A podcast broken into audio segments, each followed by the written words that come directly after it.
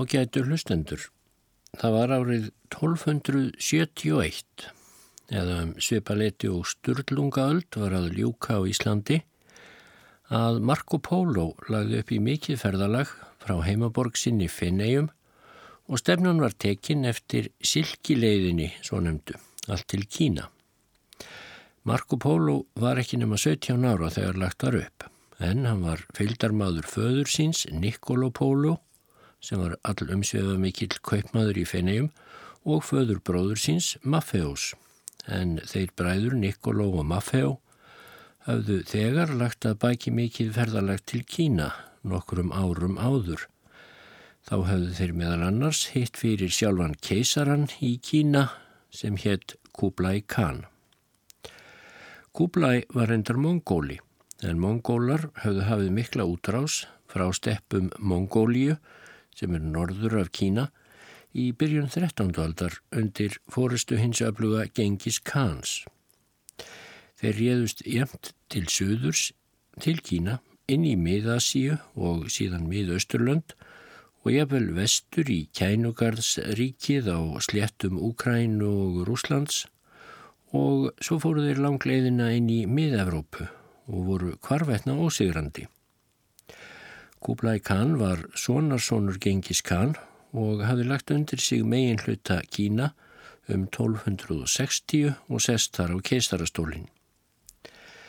Þegar Kublai hitti þá Niccolo og Maffeo Polo þá baðan þá að fylgja til Ítalíu sendimanni sínum sem ætti að ganga á fund Pávans í Róm sem Kublai hvaðst vita til að væri mestur leðtogi í Evrópu.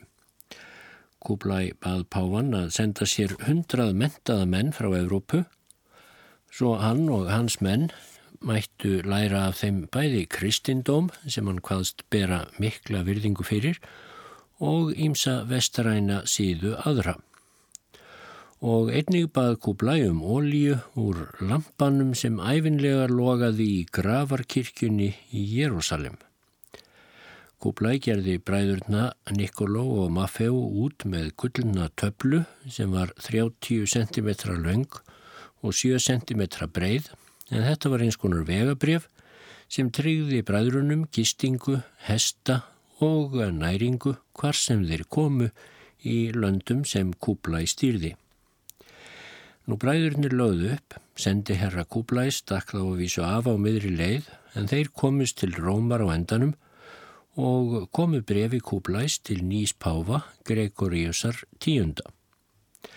Páfi fól þeim að fara með svarbref til Kínakeisara og lagðu þeir upp 1271 eins og ég sagði áðan og voru með þeim tveir munkar en ekki höfðu fengist hundrað manns í föruna eins og Kúblæ hafði óskað eftir.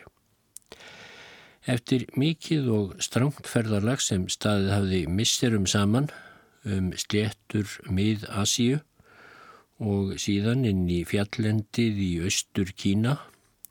Þá stungu munkarnir tveir af, ornir hrættir um lífsitt, en ítalirnir þrýr, Marco Polo og fadir hans og föðurbróðir, þeir heldu áfram ferðsynni. Fyrir hálfu árið að svo þá las ég nokkrar frásagnir af ferðarlagi þeirra Polo frændanna og ætlaði að halda áfram í þessum þætti. Og þeir voru eins og ég gatum áðan komnir ansi langt á leiðinni til Kína eða komnir inn í borgirnar sem er á mótum Mongólíu og Kína þar sem margt komið þeim heldur framandlega fyrir sjónir. Og á einum tímapunkti, og þar ætla ég að hefja frásögnina nú, þá voru þeir komnir til borgarinnar Xandu sem er nokkru fyrir norðan Peking en í Peking hafði Kublai Khan yfirleitt aðsetur. Umhverfis borginna Xiangdu eru aldingarðar, afgirtir með 16 mílna laungum múr, segir í bók Marco Polos. Þar eru auðugar og fagrar lendur, sundur skornar af fjölda lækja Margar tegundir hjarta og geita eru á beiti í gardinum. Dýr þessi eru notuð til að fæða veiðifálkana, spórhaukana og aðra fuggla sem notaður eru við veiðarnar og eiga þeir búr sín í gardinum. Fuglar þessir eru um 200 að tölu og kemur kúpla í stór kan þangað ekki sjálfnar en einu sinn í viku til eftirlits. Oft ber það við þegar stór kanin er á ferðum þennan afgirta dýragarð að hann hefur einnið að fleiri litla hleparða með í förunni og sitja þeir á hestbaki aftan við gæslumenn sína. Þegar stór kaninum þóknast þá er hljepörðunum sleft lausum og þeir ráðast á hjört, geit eða dátýr sem hans hátign hefur ákveðið að nota til fóðurs handa fálkunum. Þannig skemmtir stór kanin sér. Í miðjum dýragarðinum er fagur lundur og hefur stór kanin látið byggja þar löfskála. Kvílir skálin á súlnarröðum sem eru forkunnar, fagrar, gildar og gljáskýðar. Stórkaninn hefur valið sér þennan stað vegna þess hver loftslægið er heilnæmt og myllt og hér dvelur hann sér til hressingar þrjá sömarmánuðina, júni, júli og ágúst. 28. dag síðasta mánuðarinn sem Stórkaninn dvelur í Xandú þá er það fast venja að hann fer til ákveðin staðar og færir þar sérstakar fórnir menn verða að hafa það í hyggju að í hesthúsi stórkansins eru tíu þúsund graðhestar og hrissur, öll kvít á lit eins og mjöll. Engin maður fær, nefnaðan sé af ætt gengis kans, að bragða á mjölk úr hrissum þessum, að einni ætt undan tekinni, en henni veitti stór kanin þau heiðursréttindi að launum fyrir djarfa herdáð sem drýgð var fyrir augliti hans. Svo djúpa lotningu bera menn fyrir þessum hrossum stórkansins að þegar þau eru á beiti í hinnum keisaralegu beitilöndum og skóum þá dyrfist enginn að staðnæmast hjá þeim eða ganga í vekk fyrir þau. Stjörnusbámen í þjónustu stórkansins, hálærðir menn í töfrabröðum, hafa lísti yfir að það sé skildastórkansins að stökka mjölk úr hrissum þessum á jörðina 28. ágúst ár hvert. Það er gert til heiðurs öndum og hjáguðum á jörðu og í lofti svo að þeir verndi stórkanin, börn hans og eiginkonur, fólk hans og eigur, hesta, nöyt og annað sem hans er. En þegar þessu er lokið þá fer keisarin aftur á brott frá borginni. Við slík tækifæri ber það við að stjörnusbáman þessir eða töframenn sína hver leiknir þeir eru í listum sínum. Nú stendur svo á til dæmis að heiminin er skíjaður og regn yfirvofandi. Þá stýgur tauramadurinn upp á þaka keisarahallarinnar, hindrar rigninguna og bægir storminum frá. Í grendinni geta þá verið stormar, regn og þrumur þótt að höfuð skeppnurnar þyrm í höllinni. Töframenn þeir sem leika þessar listir eru kallaðir Tíbet eða Kasmír en það eru nöfn á tveim þjóðum sem eru skurðgóðadýrkendur og leiknar í fordæðuskap en nokkrar aðrar þjóðir. Allt sem töframenn þessir, Tíbet og Kasmír, framkvæma galdra kynns, vinna þeir fyrir fulltingi djöfulsins, en þeir láta almenning trúa að Guð sé styrkur þeirra á samt heilugu líferni og frómum yfirbótum. Í skjóli þess orðstýrs sem galdramennirnir hafa áunnið sér þá temja þeir sér óvirðulega og sóðalega framkomu. Þeir þúa ekki andlit sitt nýja greiða hárið og eru í einu orði sagt hinnir ógeðslegustu. Svo djúft er þeir meira segja soknir í skeppnuskap að ef glæpamaður er tekin af lífi þá drastlaði líkinu burt með sér, rýfa það í sundur og geta það. Lík sóttöðra manna snerta þeir þó ekki.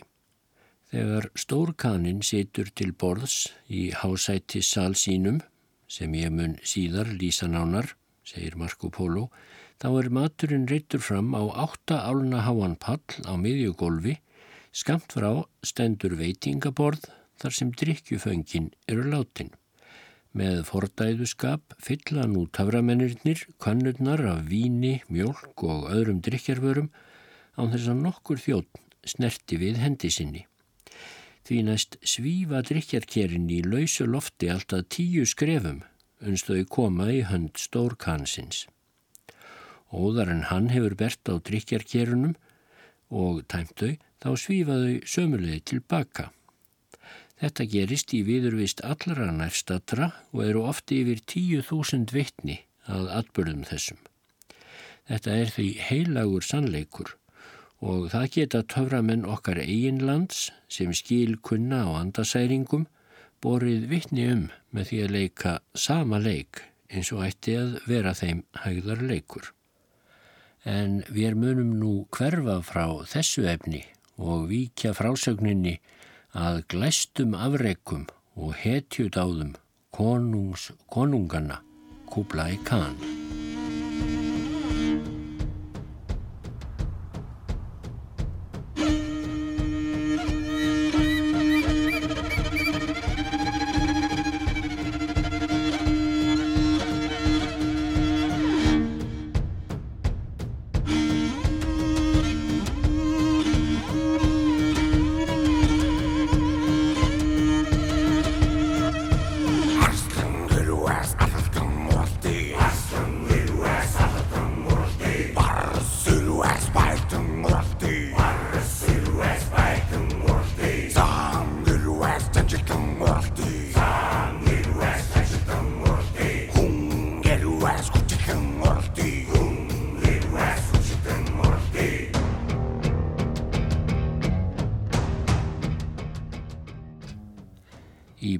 Þessari er það verkefni vort að skýra frá öllum stórvirkjum og hetjudáðum núverandi stórkansins Kublai Khans.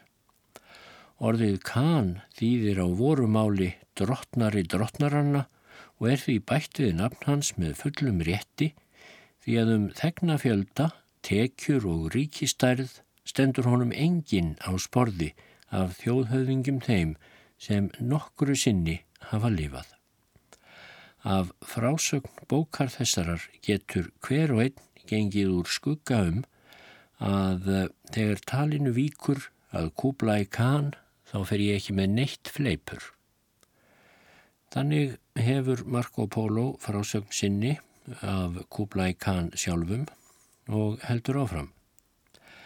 Hann kom til ríkis 1256 og náði þá völdum þrátt fyrir mótblástur bræðra sinna sem voru stuttir af ymsum frændum sínum og öðrum höfðingjum tartara eður mongóla.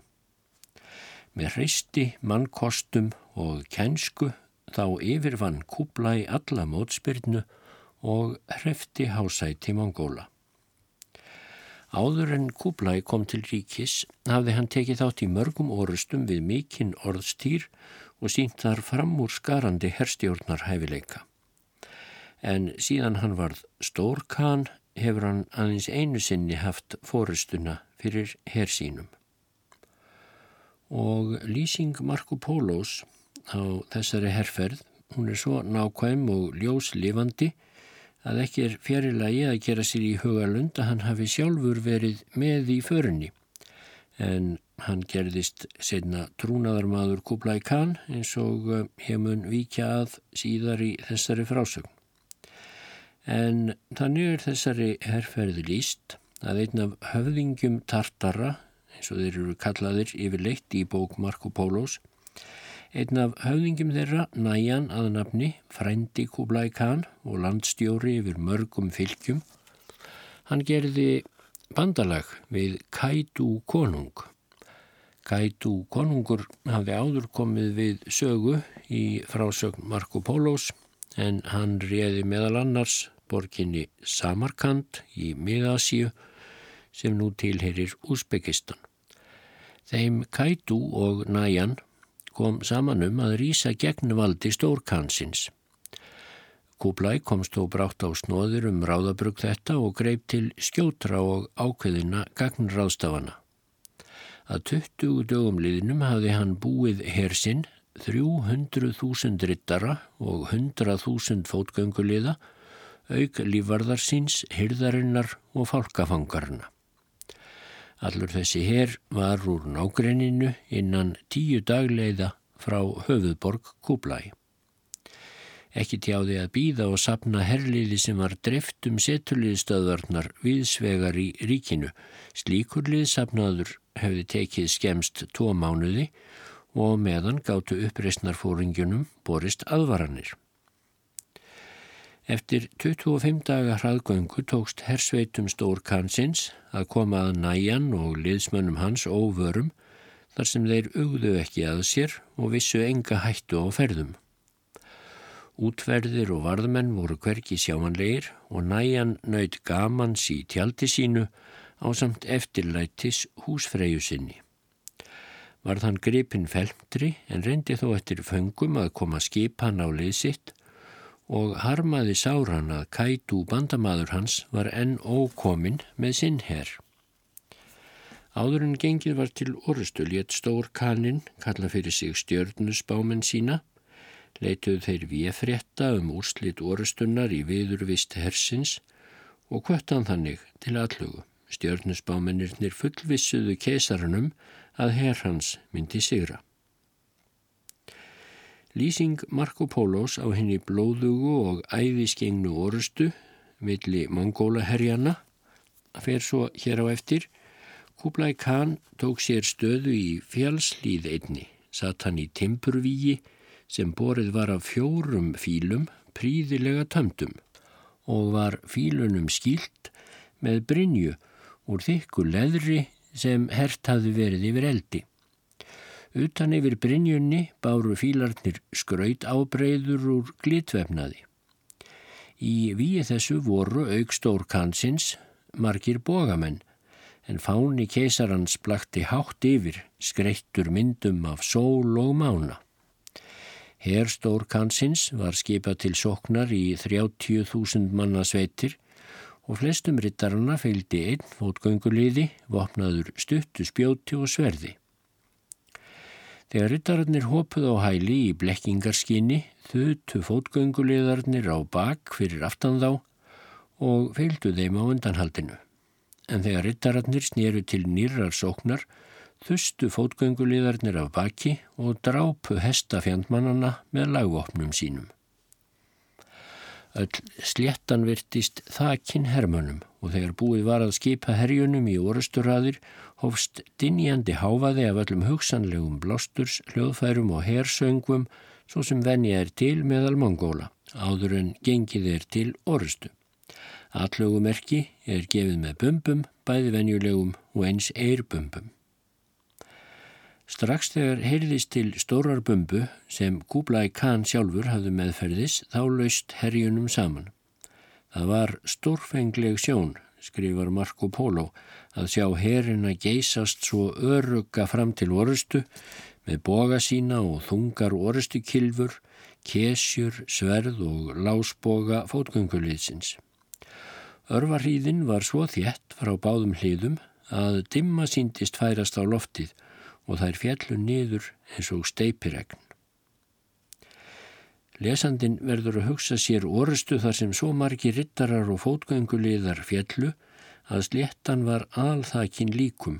Frá báðum hliðum barst svo ákafur háfaði frá mönnum og vopnum, blandaður ópum særðra og degjandi manna, að þó drottin hefði sendt þrumu þá myndi hún ekki hafa heyrst. Þegar örvarnar þraut þá réðust herrirnir saman með sverðum, spjótum og jártsleiknum kilfum.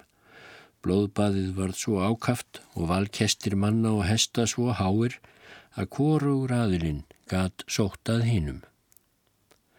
En því er ég, spyr Marco Polo lesanda sinn, að segja svo langa sögu af þessari orustu.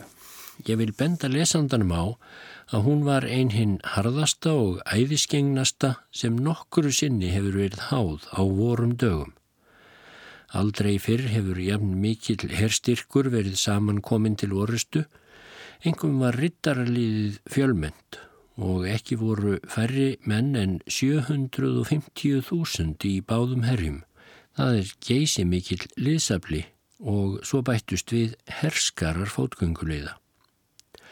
Orust að þessi stóð frá morni til kvölds með sigur vonum sem gengu á viksl.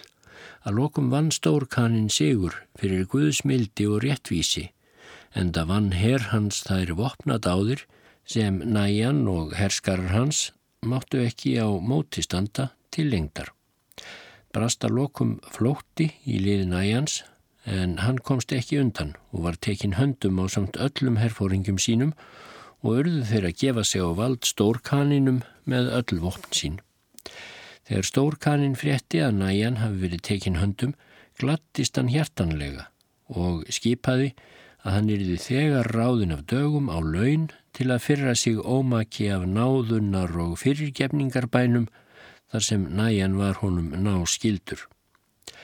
Fór aftakan þannig fram að næjan var bundin í ábreyðu og henni svo slöngvað gríðarlega fram og aftur uns öndin skrapp úr líkama næjans.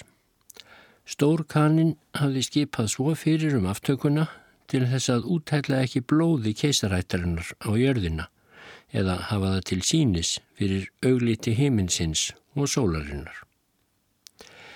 Þegar Stórkanin hafði unnið þennan glæsilega sigur, þannig líkur Marco Polo máli sínu um þessa orustu, þá fór hann sigurför með mikilli viðhöfn til höfuðborgar sinnar sem þá var Kambalig.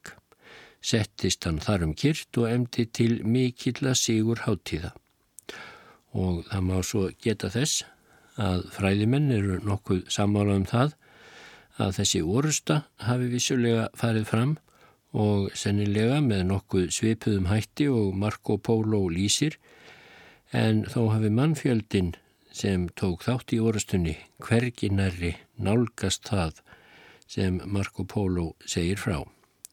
Þar hafi í hæstalagi ást við nokkurir týjir þúsunda en ekki hundruður þúsunda hermana. Nú, næst lýsir Marco Polo svip og yfirbræði Stórkansins. Kúblæ, sem ber títilinn Stórkan eða drottnari drottnaranna, hann er meðalmaður og vöxt, korki hár nýja lítill. Hann er limafagur og svarar sér vel í allri reysn. Ljós er hann yfirleitum og um andlitið leikur léttur viðkvæmur rósaróði sem gefur svipnum indistokka. Augun eru fögur en dimm og nefið vel skapað en nokkuð ábyrrandi. Kúblæði kana á fjórar lögmættar eiginkonur af fyrsta tignarflokki sem kallaðir. Elsti sonur hans af þessum hjónaböndum erfir hásætið eftir daga Kúblæs. Allar bera þessar fjórar konur drottningarnafn og hefur hver þeirra hyrð um sig. Engin þeirra hefur færri en 300 ungar og fagrar megar til engaþjónustu sinnar og auk þess fjölda hyrðsveina, hyrðmeia og geldinga. Alls nefnur hver þessara fjögura hyrða einum tíu þúsund manns. Þegar hans hátign Óskar fylgilags við einhverja af eiginkonum sínum þá sendur hann henni bóðum að koma á sinn fund eða fer sjálfur til hallar hennar. Auk eiginkvæna sinna fjögura þá heldur Kublai Khan fjöldanallan af frillum en þær eru valdar honum til handa í mongóla fylki því sem ungút nefnist. En íbúar þess fylkis hafa mikið orð á sér fyrir bjart yfirbræð og glæsimennsku ár hvert eða oftar eftir því sem stór kaninum þóknast, þá sendir hann hyrðmenn sína til ungút þar sem þeir velja fjögur til 500 fegurstu megarnar. Í vali sínu fara þeir eftir settum reglum um fegurðar mat. Valið fer fram sem hér segir, strax þegar embættismenn keisarans koma til ungút, þá skipa þeir svo fyrir að allar ungar jómfrúr í fylkinu skulu kalla þar saman. Sérfræðingar eru valdir og annars þeir valið. Allar megar eru rannsakaðar hátt og látt, vakstarlag, hár, varir, munnur og líkams samræmi og það er virt til gildis á 16 til 17, 18 til 20 eða fleiri karödd eftir fegurð hverrar og einnar. Kvennafjöldi sá sem stór kanin hefur óskað eftir er svo valinn úr hópi þeirra sem teljast vera 20 karata eða 21 karats og eru þær megar fluttar til hyrðarinnar. Þegar meginnar eru komnar þangað og ferðar fyrir stór kanin þá hefst úrval að nýju. Annars það æfðir snillingar eftir enn strángari mælikvarða, svo aðeins 20 til 30, hljóta það hnoss að teljast hævar að verða frillur keisarans. Er útvöldu eru nú faldar sérstakri forsjá, roskinna og ráðsettra hyrðmeia sem vaka yfir þeim um nætur til þess að komast að raunum hvort mærin hafi nokkra linda galla, hvort hún sofi rólega eða hvort hún hrjóti kannski, hvort hún sé andfúl eða líka með hennar sé laus við alla óþægilega lykt. Þegar þessari raun er svo lokið þá er meginum skipað í hópa, fimm og fimm saman og skiptast hóparnir á um að dvelja í innri sölum hans hátignar í þrjá daga og þrjá nætur hver og verðastólkurnar að vera stórkaninum til hverjar þeirrar þjónustu á þeim tíma sem hann æskir. Þær sem umfram eru og verð minni eru því taldar, þær skiptast á milli yfirmanna hyrðstjórnarinnar og er þeim kend matreðisla, fatasaumur og önnur nýtsamleg yðja fyrir konur. Ef einhver hirðmannana vil staðfesta ráð sitt, þá gefur stórkaninum honum eina af þessum konum á samt ríkulegum heimannmundi. Á þann hátt annast stórkanin hag sinna manna og giftir stúlkurnar loks hirðmönnum sínum almennum. Menn vildi nú eftir vil spyrja hvort ungútmönnum þykir það ekki þungar búsifjar þegar dætur þeirra eru teknar frá þeim eftir bóði keisarans ár eftir ár. En svo er ekki. Þvert að móti er litið á það sem sérstakar náð og heiður svott. Þeim sem eiga fagrar dætur finnst sér mikill sómi síndur ef keisaranum þóknast að bera niður með valsitt meðal barna þeirra. Ef dóttir mín, segja þeir, er fætt undir hamingju stjörnu og borin til gæfu, þá er örlugum hennar best ráðið í hendi keisarhans með virðulegum hjúskap sem ekki stóði í mínu valdi að veit henni. Ef dóttirinn hagar sér aftur mót ekki sómasamlega eða henni verður á einhver skissa sem gefur til kynna að hún sé óhæf, þá kennir fadurinn þau vonbreyði sín slæmum áhrifum frá stjörnu hennar. Marco Polo segir því næst frá sónum stór kansins sem eru fjölmarkir og af þeim á hann 22 síni með drottningum sínum fjórum. Sá elsti þeirra, Djingis, sem kallaður er, hann var borin til ríkiserða en þegar hann dó þá gekk ríkiserðategnin til Tímúrs, sonar hans. Prins þessi er skapgerðarmadur mikill, segir Marco Polo, hygginn og hraustur eins og sannast hefur í mörgum sígursælum orustum. Stórkanin á þaraðauki 25 síni með frillum sínum. Þeir eru allir röskir hermenn og hafa gert hermennsku að æfistarfi sínu hver og einn. Stórkanin hefur veitt þeim öllum aðalstign, sjö af skilgetnum sonum hans, fara með valdafórustu í víðlendum fylgjum og stjórna þeim af vitsmunum og dugnaði eins og væntam á af börnum þess keisara sem um sína atgjörfi berað almanna rómi herra en nokkun annan mann af kynþætti Mongóla að mista kosti. Stórkaninn dvelur að jafnaði þrjá mánuði árlega, desember, janúar og februar í stórborginni Kambalik, höfuðborg sinni, sem einnig er kunnundir nafninu Peking og nú upp á síðkastið sem Beijing. Hún likur á norðaustur takmörkum Kathæríkis eða Kína sjálfs. Sunnan við nýbyggingar borgarinnar stendur feikna mikil höll sem Kublai Khan á og vil ég nú, segir Marco Polo, segja eður hvernig þar er um að litast. Borgin er reist í stóran ferhyrning og umlugt múrum með djúpum virkisgröfum. Hver hlið ferhyrningsins er 8 mílur á lengt.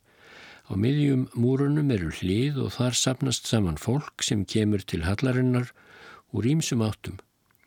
Innan múrana taka við auðir vellir sem eru ein míla og breytt og þar hefur herin aðsetur sitt. Þá taka við innri múrar sem mynda ferhyrning sem er 6 mílur á hlið. Á söðurmúrunum eru þrjú hlið og önnur þrjú að norðanverðu.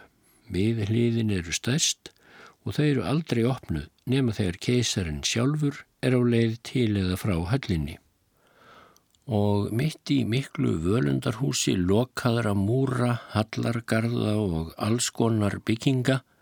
Þar hefur mongóla drottnaran mikla sínilega langað til að rifja upp endurminningarnar frá hressandi yðjagrænum beitilöndunum þar sem hann og forfeður hans fóru um með hjarðskara sína, norður í Mongólíu, áður en hann reðst inn í Kambalík, tók þar völdin og let reysa þar keisarahöll sína. Á völlum þeim sem liggja innan múrana tvekja, segir Marco Polo, vex fjöldi fagur að trjáa. Þar eru græn engjadrög sem fjöldi dýra leggur leið sína um. Þar eru hirtir, rátir, gasellur, fagrir íkortnar og moskustýr. Hver blettur innan múrana sem ekki er byggður er notaður í þessum tilgangi. Hér eru inn í miðri borg fögur beitilönd og vegirnir sem liggja um engjadrögin eru hellulagður og þremur fetum herri en umhverfið. Þess vegna sest korki á þá fornja vatn, heldur rennur allt vatn burt og sígur í jörðu. Rétt utan við uh, Peking er svo verið að reysa nýja borg og uh, mitt í þeirri borg, skrifar Marco Polo, knæfir háristur törn með stórri klukku sem ringt er alla nóttina. Þegar klukkunni hefur verið ringt þrísvar þá má enginn sína sig á göttum úti nema ítrustu nöðsinn beri til svo sem ef þarf að sækja hjálp til konu í barsnöð eða handa mjög veiku fólki en hver sá sem þannig er á ferli skal bera logandi skriðljós. Utan við hvert borgar hliðstanda þrjár útborgir þrjár til fjórar mílur að ummáli, allar eru þær sambyggðar og fjölmennar en sjálf aðalborgin. Í öllum útborgunum eru kistihús og lestamannahæli með hæfilegu millibili og um það byrj eina mílu frá aðalborginni. Þar er kaupmönnum frá ýmsum löndum veitt húsaskjól og gisting. Hverjum þjóðflokki er ætlað ákveðið í gistihús eins og við hefðum eitt gistihús handa langbörðum, annað handa frökkum og það þriðja handa þjóðverjum. Tala ofinberra vendiskvenna í Kambalík er um það byl 25.000 ef útborgirnar eru taldar með. Yfir hvert hundrað og hvert þúsund af vendiskonunum eru settir sérstakir embættismenn til umsjónar en þeir verða svo allir að líta strángri forsjá æðstráðandi yfirmanns. Gleðikonur þessar eru hafðar undir svo ströngu eftirliti af orsökum sem nú skulu taldar. Ef sendimann ber að gardi í einum eða öðrum erindum við stór kanin þá er það venja að veita þeim vel og virðulega á hans kostnað. Það er embættis hlutverk yfir umsjónarmanns gleðikvennana að gæta þess að jafnan sé til reyðu ný vandistrós á hverju nóttu handa öllum sendisveitar mönnum sem til keisarans leita. Fyrir þessa þjónustu fá konurnar enga greiðslu og er litið á þetta sem skatt frá þeirra hendi til keisarans. 30 til 40 manna varðflokkar eru á ferli um göturnar allar nætur og leita gömgefilega eftir mönnum sem eru á ferli úti við í ólöglegum erindum eftir að klukkunni hefur verið hringt þrísvar. Hvar sem slíkir menn finnast, þá eru þeir handsamaður og varpaði fangilsi. Morgun eftir eru þeir færiðir til yfirherslu hjá viðkomandi embættismanni. Hann dæmir þá seku til meiri eða minni refsingar eftir því hver alvarlega er litið á brot þeirra. Algengasta hegningin er stafsögg, svo nefnd iljastróka, sem stundum dregur menn til dauða. Þannig er hengt fyrir alvarlegustu yfirsjónir meðal þjóðarinnar vegna þess hver ófús hún er að útætla blóði eins og hinnir lærðu stjörnusbeikingar hennar hafa bóðið að varast. Marco Polo lýsir svo næst nákvæmlega alvarlegri uppreysnar reyfingu sem braust út gegn yfirráðum Mongóla meðal kynverskra íbúa í Kampalik en þess verður að geta að þegar uh, Marco Polo, fadur hans og föðurbróður eru þarna á ferð þá er í rauninni ekki nema 10 til 15 ár síðan Mongólar náðu valdi yfir norður Kína og það er því ekki hægt að segja að stjórn þeirra hafi verið mjög tröst í sessi þótt eh, mikill íburður og tilstand hafi enkjent hyrðuðu eh, kúblæs. En uppreysnin hófst meðan Marco Polo var við hyrð kúblæ Kans svo hann hefur haft færi á að fylgjast með gangi mála og frásögn hans gefur aðtiklisverða insýn í ástandið og margar aðstæður við keistarahyrðina.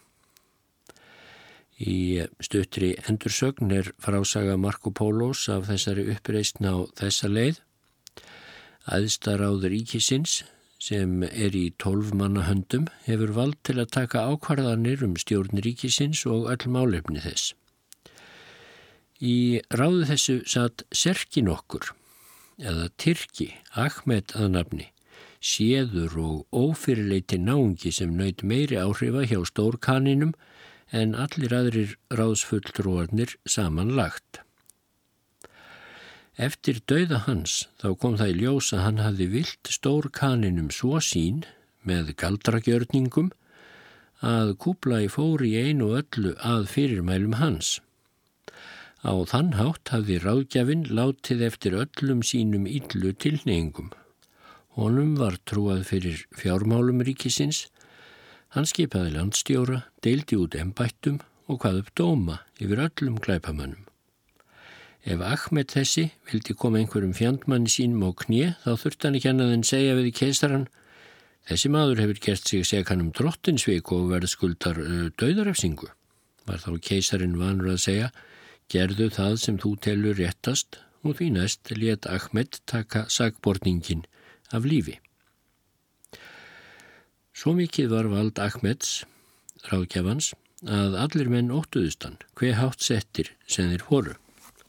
Engin þorði að malda í móin þegar Ahmed var annars vegar.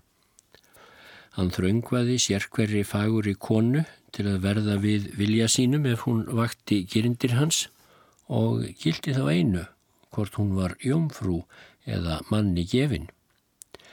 Fegurstu konum var fórnað að vilja ráðgjafans af óta eða til þess að ná hátsettum ennbættum og voru þær ímist nefndar eiginkonur hans eða ambáttir. Ahmed átti orðið 25 síni sem allir sátu í háum ríkisembættum. Sumir þeirra gerðu sig seka um hvers konar óhæfuverk í skjóli föður síns. Ahmed hafði sapnað ógrinnum auðæfa því að sér hver sem komst í ennbætti var það að færa honum ríkulegar gjafir. Um næri 20 ára skeið hafði ráðgjafin notið þessara ótakmörkuðu valda. Loks kom svo að landsmenn gátt ekki þólað lengur vaksandi ójöfnuð og yfirgang hans gagvart heimilum sínum. Bundust þeir þá samsæri til að riðja hennum hataða manni úr vegi og efna til uppreysnar gegn stjórninni. Einn af samsæris leðtónum var kynvergi Chen Ku aðnafni og réð hann yfir 6.000 manna liði. Chen Ku brann af hatri til ráðgjafans Ahmeds en það hafði hann svífirt móður hans, konu hans og dóttur. Annar samsærismannana var Van Ku og hafði hann herstjórn yfir 10.000 manna liði. Viðsvegar í borgum landsins hafðu ímstir tignarmenn úr hópi kynverja snúist á sveif með uppreysnarmannum. Þeir ætluðu að láta til skar skrýða þegar lokið væri hinn venjulegu þryggjamánuða dvöl stór kansins í Kampalik og hann væri farin til veiðihallar sinnar í Xanadúr eitt vorið. Sónur hans Djengis, sem þá var enn á lífi, myndi þá líka verða fjarlægur höfðuborginni og öll aðstu völdin í hendi Ahmeds. Ákveðin dag og að gefnu merki skildi uppreysnin hefjast. Hver sá maður sem bar skegg skildi umsveifalust drepin. En skeggið er kennimerki á útlendingum í Kína. Mongólum, Múhameðstrúarmönnum og kristnummönnum sem allir eru skeggjaðir en sjálfur eru kynverjar að jafnaði skegglausir. Nú samtímis áttu svo aðrar borgir í ríkinu að fara að dæmi höfuborgarinnar og uppreysnað brjótast út þar.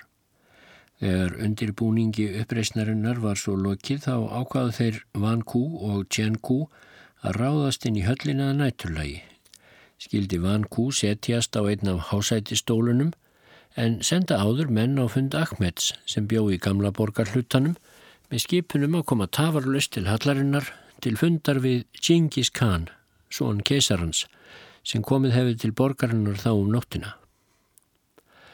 Ahmed varð ókvæða við þegar hann var vakinn, en þar sem hann virti ríkiservingjan Mikils, þá hlítan þó tafar laust. Þegar Ahmed gekk í höllina og sá ljós brenna við svegar, kastaði hann sér í auðmygt fyrir fætur Van Kú sem hann hugði að væri Genghis, en Tjenku var þar nærstattur og hálsjó Ahmed með einu sverðshöggi um svefalaust. Mongóla hersöðingi að nafni Kokatæ hafði herstjórn Hallarvarðana. Hann grunnaði að hér væru brögð í tabli og réðist í sama augnabliki inn í salin og skaut örað van kú þar sem hann sati í hásætinu og fekk hann þegar bana.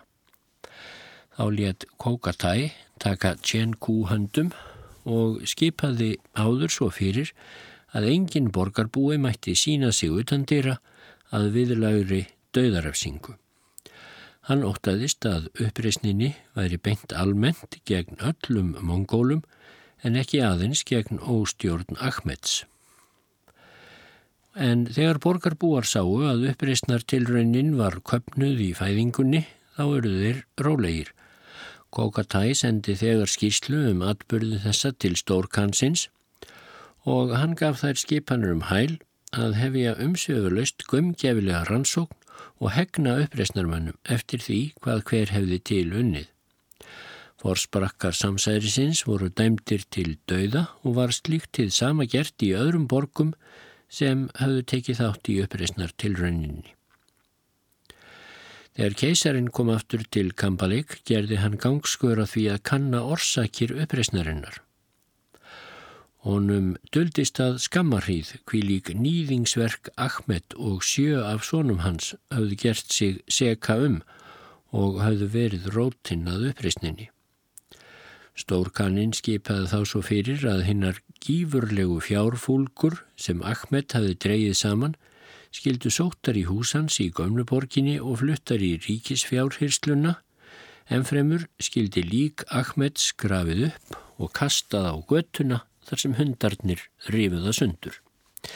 En sínirnir sem hafðu fyllt hinnu afleita dæmi föður síns, þeir voru flegnir lifandi. En af serkjum er það að segja að þeir eru líkt hlutvandnir til glæpana og leitt keisarin upp frá því á þann bölvaða sértrúarflokk með fyrirlitningu og andstegð. Og að síðustu Marco Polo lýsir mjög ítarlega hyrðháttign og stórveislum keisarans en þeir þá mikið um dýrðir. Borð keisarans stendur fyrir framann hásæti hans á palli við norður hlið salarins og snýr hann auglíti sínu fram yfir salin. Við hlið hans til vinstri sittur keisaradrottningin en á lægri stólum til hægri sitja sínir hans, þá sonar sínir og aðrir vandamenn af keisarættinni. Hans hátign getur úr sæti sínu fylgst með öllu sem gerist. Við slíkar veistlur er fjarrri því að allir gestirinnir komist að borðunum. Fjöldi rittar á aðalsmanna verður að snæða sítjandi á ábreyðum í forsalnum. Í miðjum hásættisalnum stendur stort og skrautlegt veitingaborð líkast ferhindu skríni. Það er þrjá metra á hvern veg, gull dreyið og fagurlega flúrað dýramyndum. Á borðinu standa skrautleg drikjarker og byggarar úr skýra gulli sem hans hátign á. Úr drikjarílátum þessum eru mannum borin vín, kapla og úlvaldamjölk í gull og silfurbyggurum. Skarar af skutulsveinum eru kvarvetna um salin og gæta þess að gestunum sé veitt vel. Við hverjar dyr sem líka enn í hásætisalinn eða þangað sem stór kaninn kann að dveljast, þar standa tveir dýraverðir, beljakar að vexti. Verðir þessir eru sinn til korrar handar til að hindraða nokkur gestana stígi á þröskuldin og þeir gæta þess að þeir lifti fæti yfir hann. Ef svo ber við að einhverjum verður á svo reygin skissa að stíga fæti sínum á þröskuldin, þá fletta dýraverðirinnir hann klæðum og verður gesturinn að leysa klæði sín út við erðnu fjö. Grípi verðirnir ekki til þeirra ráða þá veita þeir gestinum hæfilega ráðningu með stafhöggum og fer refsingin eftir reglum sem þeim hafa verið settar. En þar sem búast má við að útlendingar vari sig ekki á þessu banni við að stíga á þröskuldin, þá hafa nokkrir hyrðmenn þann starfa með höndum að leiðbeina þeim. Orsök þessarar undarlegu varúðarreglu er svo að það er talin vábóði ef einhver snertir þröskuldin. Þegar gestinnir yfirgefa salin og sömur hverjir þá ornir reikulir í spori, þá er ógerlegt að hindra þetta en það eru þá minni viðurlög ef út af er bröðið. Mannfjöldi sá sem gengur um beina hjá hans hátign og reyðir fram mat og drikk hefur allur slæður eða klúta úr silki fyrir vitum sér er það gert til þess að mat og drikk hans hátignar sé engin hætta búin af andardrætti skutilsveinana. Þegar keisarinn vil bergja á víninu, gengur hyrðsveitnin sem bar honum vínið þrjú skref aftur á bakk og krýpur á knje en hyrðmennirnir og allir viðstattir faraða dæmi hans. Í sömu mund byrjar fjölmenn hljómsveit að leika á öll hljóðfæri sín og er leikið uns hans hátign hefur lokið ádrykkjunni og allir fara aftur á sinn stað. Þessar viðhafnar veislur eru endurteknar svo oft sem hans hátegn þóknast að njóta drikjarins. Þegar veislunni er lokið og borðum hrundið þá gengur fjöldimanna inn í hallarsalinn, leikarar, söngvarar, hljómleikamenn, trúðar og töframenn. Sína þeir listir sínar til mikillar gleði fyrir stór kanin og bestu skemmtunar fyrir alla áhorfendur. Þegar þessari skemmtun er lokið þá skiljast menn og fer hver heim til sín.